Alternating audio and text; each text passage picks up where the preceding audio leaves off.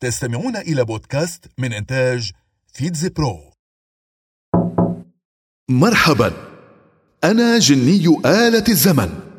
سآخذك في ثلاث رحلات. رحلات في شتى البلاد. حدثت فيها أحداث في مثل هذا اليوم بالذات.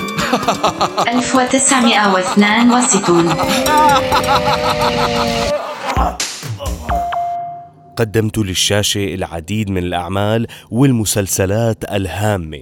الفصول الأربعة بجزئيه التغريبة الفلسطينية ربيع قرطبة وغيرها الكثير.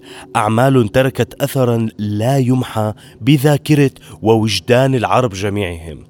أنا حاتم علي مخرج ومنتج وممثل من سوريا. ولدت في مثل هذا اليوم بالذات. حصيلتي الفنية في الإخراج تضم أكثر من 25 عملا تلفزيونيا. مثلت في بعض منها كما كتبت عدة سيناريوهات تلفزيونية وسينمائية بالإضافة إلى أعمالي المسرحية والأدبية. كان رحيلي عن عمر لم يناهز الثامنة والخمسين عاما. كان فاجعة كبرى لجمهوري وعائلتي.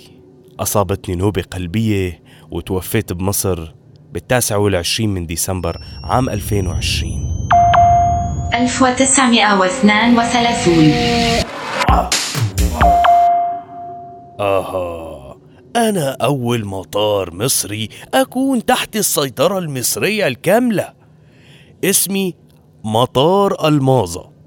أقع شمال شرق القاهرة بالقرب من مطار القاهرة الدولي استغرق بنائي عامين من الزمن. وافتتحني الملك فؤاد في هذا اليوم بالذات من عام 1932 ومنذ ذلك الحين طرأت علي تغيرات كثيرة. حاليا أنا قاعدة جوية أتبع للقوات المسلحة المصرية. كان افتتاحي حدثا في غاية الأهمية واحتفالا شعبيا كبيرا خاصة أن بلدي مصر كان واقعا تحت الاحتلال البريطاني ولم يكن يسمح سوى لطائرات الخطوط الجوية البريطانية باستخدام أجوائه. أقلع مني بعد افتتاحي ثلاثة طيارين مصريين هم عبد المنعم مجواتي أحمد عبد الرزاق فؤاد عبد الحميد حجاج. 1800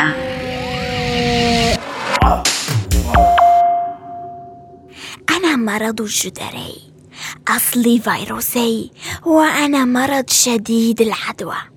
أه، كيف تعرف أني هاجمت جسمك؟ حسنا. أبدأ معك بالحمى والقيء. ثم أقوم بتشكيل تقرحات على فمك. بعدها سأصيبك بالطفح الجلدي وخلال أيام سيتحول هذا الطفح إلى بثور مليئة بالسوائل. هذه البثور ستنتشر في جميع أنحاء جسمك. هناك قشرة ستتواجد على البثور تقوم فيما بعد بترك الندبات على جلدك. ظهرت في أوروبا خلال القرن الثامن عشر. وتقول التقديرات إني تسببت حينها بوفاة أربعمائة ألف شخص سنويا. ثلثهم أصيب بالعمى. لكن في عام 1796 تم تطوير اللقاح للقضاء عليه وبحلول عام 1800 وصلت إلى أمريكا الشمالية. العودة إلى الواقع.